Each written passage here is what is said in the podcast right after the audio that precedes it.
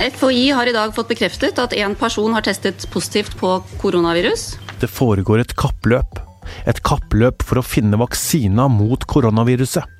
Dødeligheten er lav, men smittefaren er høy. Hvordan jobbes det egentlig med å finne en koronavaksine? Jeg heter Tor Erling Tømt Ruud, og dette er Verdensgang.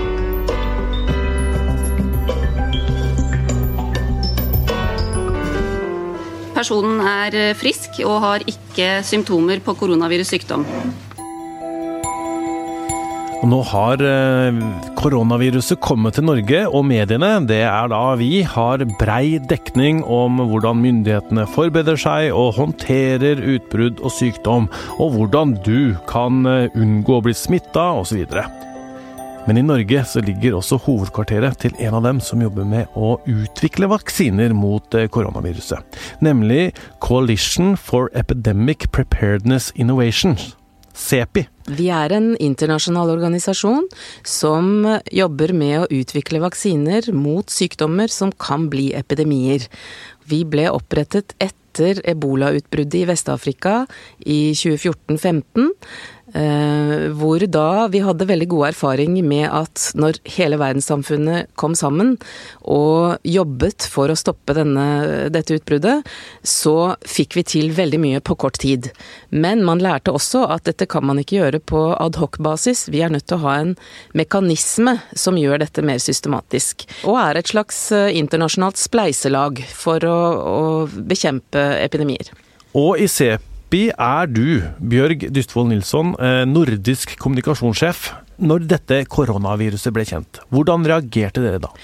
Ja, vi eh, kom raskt i Vi jobber jo tett med Verdens helseorganisasjon egentlig hele tiden. Eh, og var i kontakt med dem eh, umiddelbart.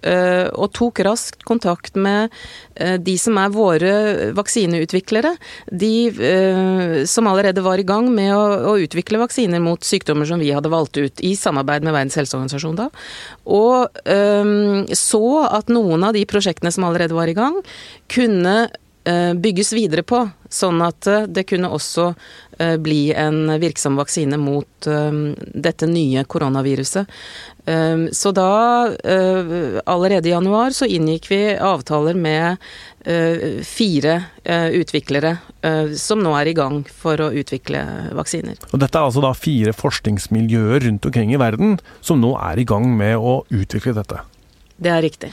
I tillegg så har vi eh, utlyst eh, nye midler eh, for å se om allerede eksisterende vaksiner også kan videreutvikles til å bli virksomme mot dette viruset.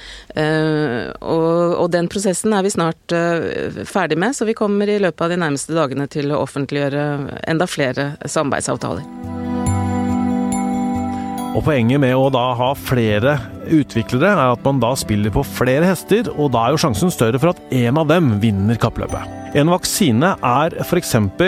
svake eller døde smittestoffer som sprøytes inn i deg for at kroppen din skal lære seg å bli immun mot eh, sykdommen som det aktuelle smittestoffet bærer. Eh, men å lage en vaksine som er god nok når det dukker opp en ny sykdom, sånn som dette koronaviruset, det tar tid.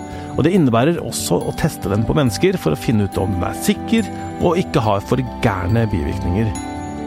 Hvordan jobbes det da med å lage en sånn vaksine? Ja, først så jobber man jo lenge i laboratoriet. Um, og så, når man tenker at nå er denne vaksinen klar til å uh, testes ut på mennesker, så kan man dele den utviklingen inn i tre faser. Og da er det fase én, hvor man tester den på uh, vanligvis voksne frivillige mennesker, for å se om den er sikker.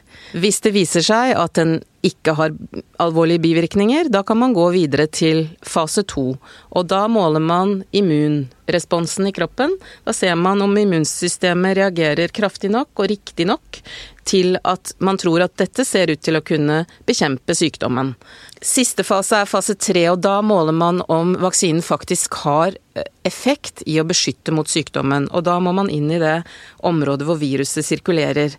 Og det effekten måler man ved å sammenligne to grupper, hvor den ene eh, har fått eh, vaksinen, og den andre ikke har fått den. Men, eh, og så må man se hos, Hvis man da ser at eh, hos den vaksinerte gruppen så var det lite sykdom, mens det i den ikke-vaksinerte gruppen så var det sykdom. Så kan man trekke konklusjonen at det ser ut til at vaksinen er effektiv. Nå det, skal det sies at uh, det er jo ikke alltid sånn at man ikke gir vaksinen, for å sammenligne. Av og til så kan man f.eks. i Guinea, uh, under ebola-studien, så gjorde vi det sånn at uh, den første gruppen fikk vaksinen umiddelbart, og den kontrollgruppen, den man sammenlignet med, fikk den forsinket. Den fikk den to uker etterpå. Sånn at alle faktisk fikk vaksinen. Mm. Um, men men, men, på ulikt tidspunkt. Og så kunne man sammenligne de to gruppene likevel. Mm. Og så så man at vaksinen hadde effekt, og da, kunne, da, måtte man stoppe studien, og så vaksinerte man alle. Ja, for det, det, er etikken i dette. Det er det. Hva er det utfordrende etiske, da? Det er jo vanskelig at, eh, at en gruppe skal få, en annen gruppe ikke skal få, hvis man tror at, eh, at vaksinen har effekt. Mm. Men vi har jo også en etisk eh, forpliktelse til å um, dokumentere effekt av vaksinen. Det er jo heller ikke etisk forsvarlig å bare massevaksinere hvis man ikke, ikke vet, at vet at det fungerer. Mm, mm. Så alle sånne studier de har en, en uavhengig komité som følger med på dette. Og de har eh, regler å gå etter, og de har myndighet til å stoppe studien. Eh, og det var det som skjedde f.eks.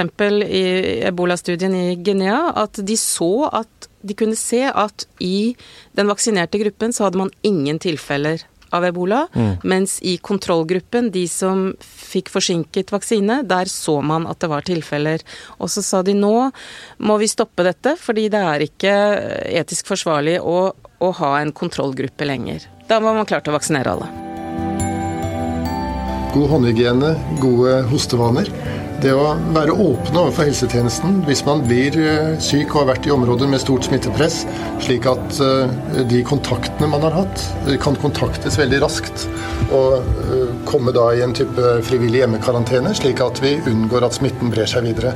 Dette er de viktigste tiltakene, og som, som vi håper kan holde smittetallene nede over tid. Dette koronaviruset som det jobbes med å finne en vaksine mot nå, da, det kan gi alt fra milde influensasymptomer til alvorlig sykdom. Eh, Folkehelseinstituttet sier at eh, de fleste som blir smitta, vil eh, kanskje få luftveissymptomer som vil gå over av seg selv, mens noen vil få alvorligere sykdom med bl.a. lungebetennelse. Ettersom viruset er så nytt, da, så er eh, totalbildet av hvordan det har ramma, det er fortsatt litt uklart. Men det kan synes at eldre personer og de med underliggende kroniske sykdommer eh, kan ha høyest risiko for å bli alvorlig ramma av eh, dette viruset. Bjørg, derfor er det vel bra at det kommer en vaksine på plass så raskt som mulig? Ja, helt klart. Det er jo det vi forsøker å, å knipe inn på den uh, tidsplanen uh, veldig ambisiøst. Så vi har sagt til våre utviklere at vi ønsker at de skal fra 16 uker etter at uh, gensekvensen til viruset er, er, kjent, så ønsker vi at de skulle kunne være klare til det vi kaller fase 1-studiet. Og det har vi nå sett, at en av våre utviklere nå på mandag kunngjorde at de var, de var, klare til dette. Så vi ser jo at en så ambisiøs tidsplan faktisk da var realistisk. Så nå er en av, en av disse forskningsgruppene de er klare til å teste det på mennesker? Det er riktig. Og hvor lang tid tar det da før vi får en vaksine? Det er vanskelig å si, eh, fordi det avhenger det jo. Eh, hvis det, blir, eh, hvis det er vellykket, hvis man da kan gå videre til fase to og fase tre, så kan man kanskje si kanskje vi kan mot slutten av året eller tidlig neste år gå inn i en fase tre-studie. Mm, så da tar det et år, da? Det gjør det. Mm. Men dere er jo ikke de eneste som utvikler vaksiner? Nei, det er riktig. Hvis det er sånn at uh, alle kan utvikle vaksiner, det er et kappløp om å gjøre dette så raskt som mulig, selvfølgelig. Uh, og, og, hvis du da vinner det kappløpet, finner en vaksine og selger den til mange, mange land, det, hva slags penger er det som ligger i det? Det jeg har lyst til å si om det, er at eh, for oss så er det viktig at vaksinen eh, blir eh, gjort tilgjengelig for de som trenger det, når de trenger det, til en rimelig pris. Og det har vi bygget inn i alle kontraktene med våre utviklere. Vi jobber også med Verdens helseorganisasjon for å gjøre vaksinen tilgjengelig til en rimelig pris. Er det noen uh, måter å hindre uh, på at uh, noen lager en vaksine som blir solgt overalt, og som ikke funker? Det er, det er, veldig strenge regler for å få en markedsføringstillatelse av en vaksine. Det er uh, etiske regelverk og det er regulatoriske myndigheter som uh, krever veldig uh, streng dokumentasjon for at en vaksine skal kunne få markedsføringstillatelse. Så innenfor de systemene som vi jobber under, så ser jeg det som lite sannsynlig. Så må du huske på at vi jobber veldig tett med Verdens helseorganisasjon også for at uh, disse vaksinene skal få status som et globalt offentlig gode, som da er tilgjengelig for folk. Takk for at du kom, Bjørg. Det var veldig hyggelig å komme. Takk professor i mikrobiologi ved Universitetet i Tromsø, Ørjan Olsvik, var innom oss torsdag morgen, og jeg stilte spørsmål. Nå har vi hørt at det jobbes intenst med å lage vaksiner, og det er vel bra? Ørjan Olsvik? Ja, vaksiner er absolutt nødvendig for at våre tett bebygde samfunn i hele den vestlige verden kan fungere. Og vi må være vaksinert mot smittsomme sykdommer. Eh, men når man kommer med en ny vaksine, så må den også være testa ut, slik at du ikke får bivirkninger som skader pasientene. Når det er et sånt race for å lage denne vaksinen, kan det da gjøres for raskt at det blir for dårlig? Vi har eksempler på det, men jeg regner med at disse som skal nå gjøre dette, gjør det etter de regler og de prinsipper, både etiske og legale, som gjør at dette blir et bra løp. Eh, hva vil du si til de som er bekymra nå? Det lønner seg faktisk veldig lite å være bekymra. Bekymring eh, beskytter deg ikke i det hele tatt, det kan paralysere deg. Eh, hør på helsemyndighetene, hør på de råd man får, og også se på historia. Mange av disse nye virusene, også koronavirus, har forsvunnet etter en rimelig kort tid. Og så er det sånn at Vi trenger ikke bli veldig redde, men hvis du tenker at du kan være smitta eller føler at noe ikke er som det skal være, så bli hjemme ta kontakt med fastlegen din eller legevakta. Verdens Gang er tilbake på mandag. Redaksjonen består av Emilie Hall Torp, Kristine Hellesland, Nora Torp Bjørnstad og meg, Tor Erling Tømt Ruud. Magne Antonsen er teknisk produsent.